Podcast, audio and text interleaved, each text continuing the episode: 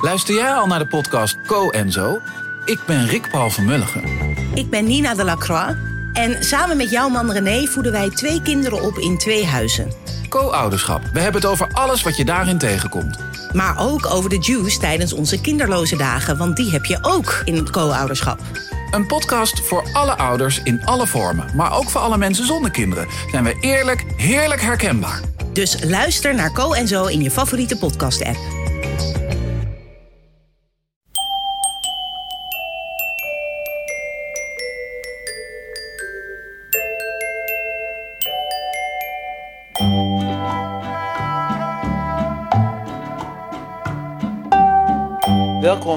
Aflevering 310 van Echt Gebeurd. De podcast waarin mensen hun eigen waargebeurde verhalen vertellen. In deze aflevering een verhaal dat Joost van der Loo in maart 2018 vertelde tijdens een Echt Gebeurd middag rond het thema geweld.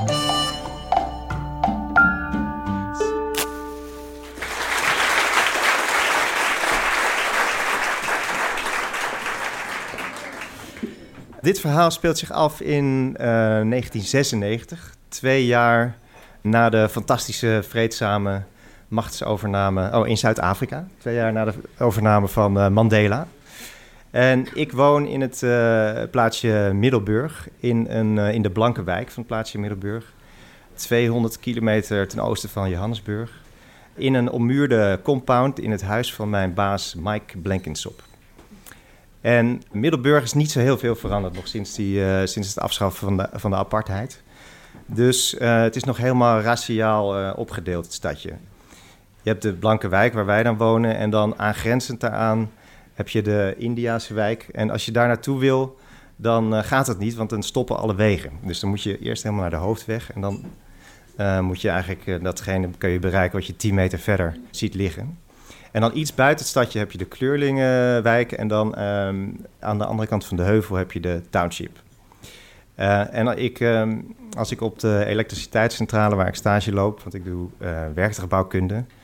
Als ik daar vraag van hoeveel mensen eh, werken hier, dan zeggen ze eh, 150 people en 450 blacks. En dan zeg ik van, eh, oh, so eh, 600 people? En zeggen zij, yes, eh, including the blacks. Voordat ik naar eh, Middelburg ging, wist ik wel dat het nog een beetje zo zou zijn. En, eh, maar ik had me voorgenomen van, ik ga eh, daar het goede voorbeeld geven. Ik ga laten zien dat je, nou, hoe het ook kan. Ehm, ja, ik eh, ben in een eh, progressief VPRO-gezin opgegroeid. En we hebben altijd thuis geleerd van, ja, je beh- behandelt iedereen hetzelfde. Dus dat gaat iedereen op een open manier treed je tegemoet.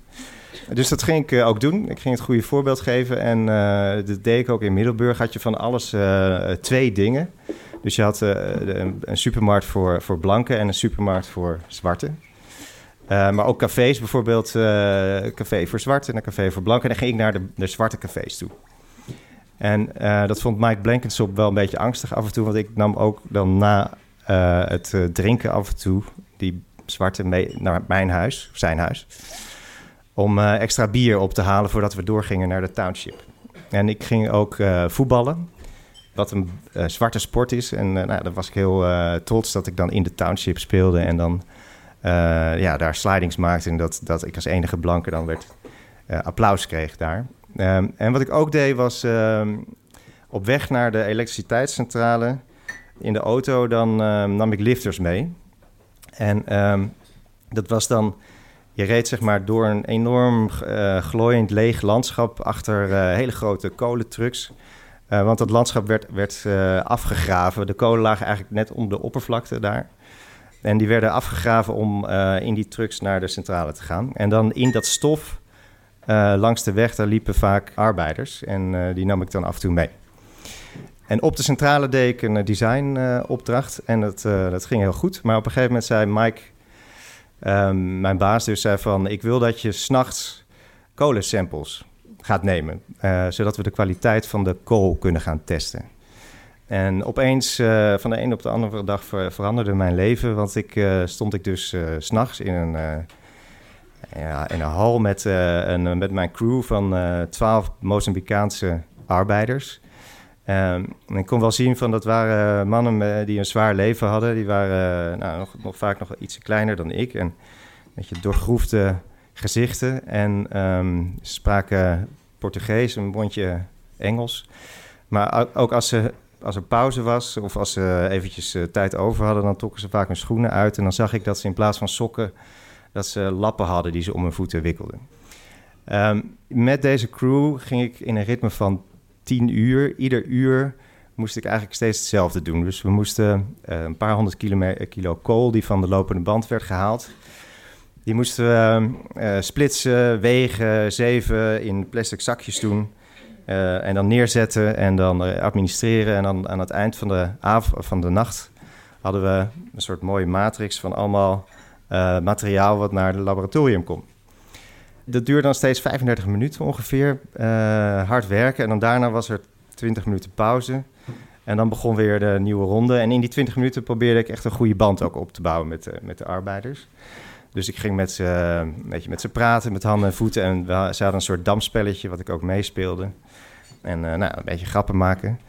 Dat ging eigenlijk wel goed, de sfeer zat er goed in. Maar er was één uh, punt wat niet goed liep. En dat was dat bij de buis waar de kolen van de lopende band werden gehaald... dat was een apart hokje... Daar moest uh, altijd één iemand staan om iedere paar minuten een paar klappen tegen de buis te geven. Om te voorkomen dat die buis verstopt raakte. Uh, die raakte steeds verstopt, maar om te zorgen dat die bleef doorlopen. Als dat niet goed gebeurde, dan uh, was er een, een, een, een, uur eigenlijk misgelopen. Want we moesten, we moesten voldoende kool hebben om goed te kunnen meten. En aan het eind van de nacht moest ik minimaal zes goede uren hebben en anders moesten we alles weggooien. Dus dat gebeurde een paar keer. Dat, uh, dat die man die daar dan naast moest staan, dat was natuurlijk saai werk, die ging slapen. En um, wat er dan gebeurde was dat, er dus, uh, dat we maar vijf goede uren hadden. En dan aan het eind van de nacht, dan hadden we de sfeer opgebouwd, hard gewerkt. En dan zei ik tegen hun van nou, dat, het is klaar, de, de zon begon weer te schijnen. Dan zei ik van nou, nu doordat hij dat heeft gedaan, uh, moeten we nu, die fout van jullie, van jullie collega, moeten we nu alle zakjes oppakken, pak ze maar op en breng ze maar naar die, naar die hoop kool die daar ligt. En snij ze maar open en gooi ze, maar leeg.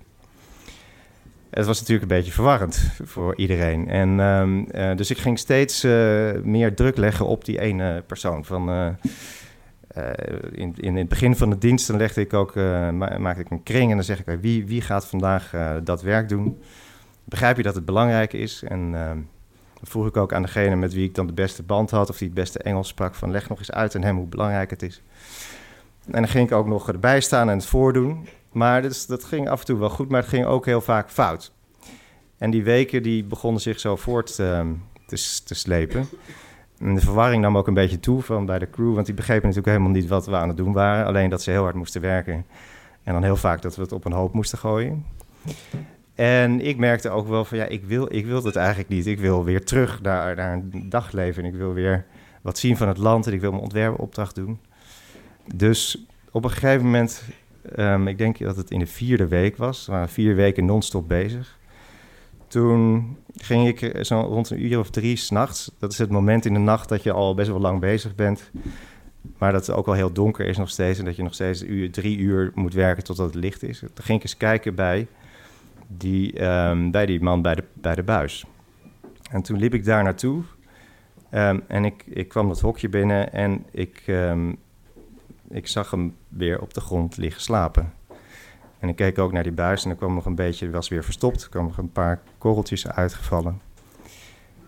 En op dat moment geef, ik hem, geef ik hem een schop. Dus ik geef hem echt een schop waarvan ik weet dat hij dat hij het gaat voelen.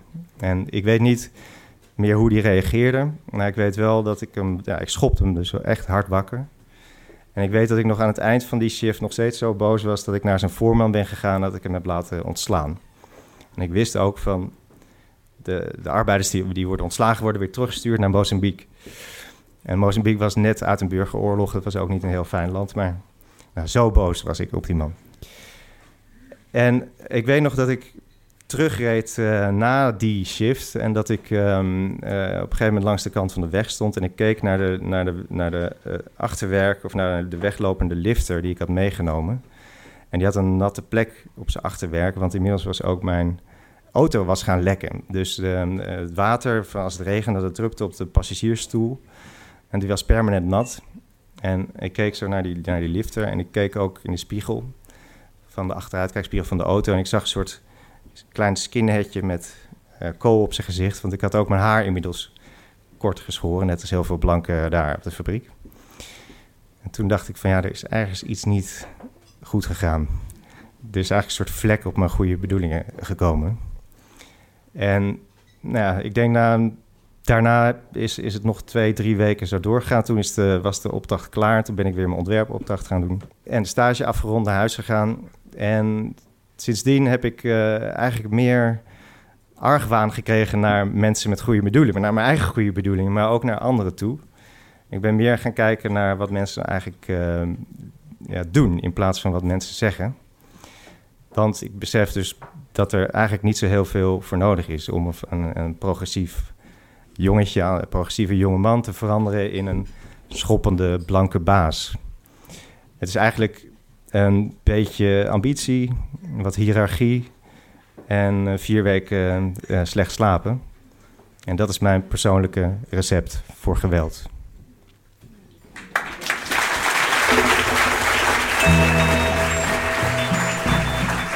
Je hoorde een verhaal van Joost van der. Na zijn studie werktuigbouwkunde is Joost uiteindelijk ook filmmaker geworden. En holistisch detective. Oftewel iemand die ontdekkingen doet door naar iets onwaarschijnlijks te zoeken. Je vindt daar meer over op zijn website joostvandeloo.nl. Dat is zonder R en met twee O's. Na de zomervakantie gaan we weer elke derde zondag van de maand een verhalenmiddag organiseren in ons thuishonk, de Amsterdamse comedyclub Toemler. De thema's voor de eerste vier middagen zijn eerste hulp bij ongelukken, handel, kunst en ouders. Geef je op als verteller wanneer je een mooi waargebeurd verhaal hebt dat, desnoods met enig duw en trekken, bij een van die thema's past. Dat kan via onze website echtgebeurd.net. En omdat we het er met de redactie onlangs over hadden dat er meer zelden echt jonge mensen bij ons komen vertellen, roep ik met nadruk ook de jongere vertellers op, laten we zeggen van 16 tot 20, om een verhaal te komen delen met ons publiek. De redactie van Echt Gebeurd bestaat uit Paulien Cornelissen, Maarten Westerveen, Rosa van Toledo en mijzelf, Micha Wertheim. Productie Eva Zwaving. Zaaltechniek voor deze aflevering Nicolaas Vrijman, podcast Gijsbert van der Wal. Dit was aflevering 310. Bedankt voor het luisteren. En vergeet niet dat als je deze zomervakantie op de TomTom Middelburg intikt, je plotseling een stuk verder van huis zou kunnen eindigen dan je aanvankelijk dacht.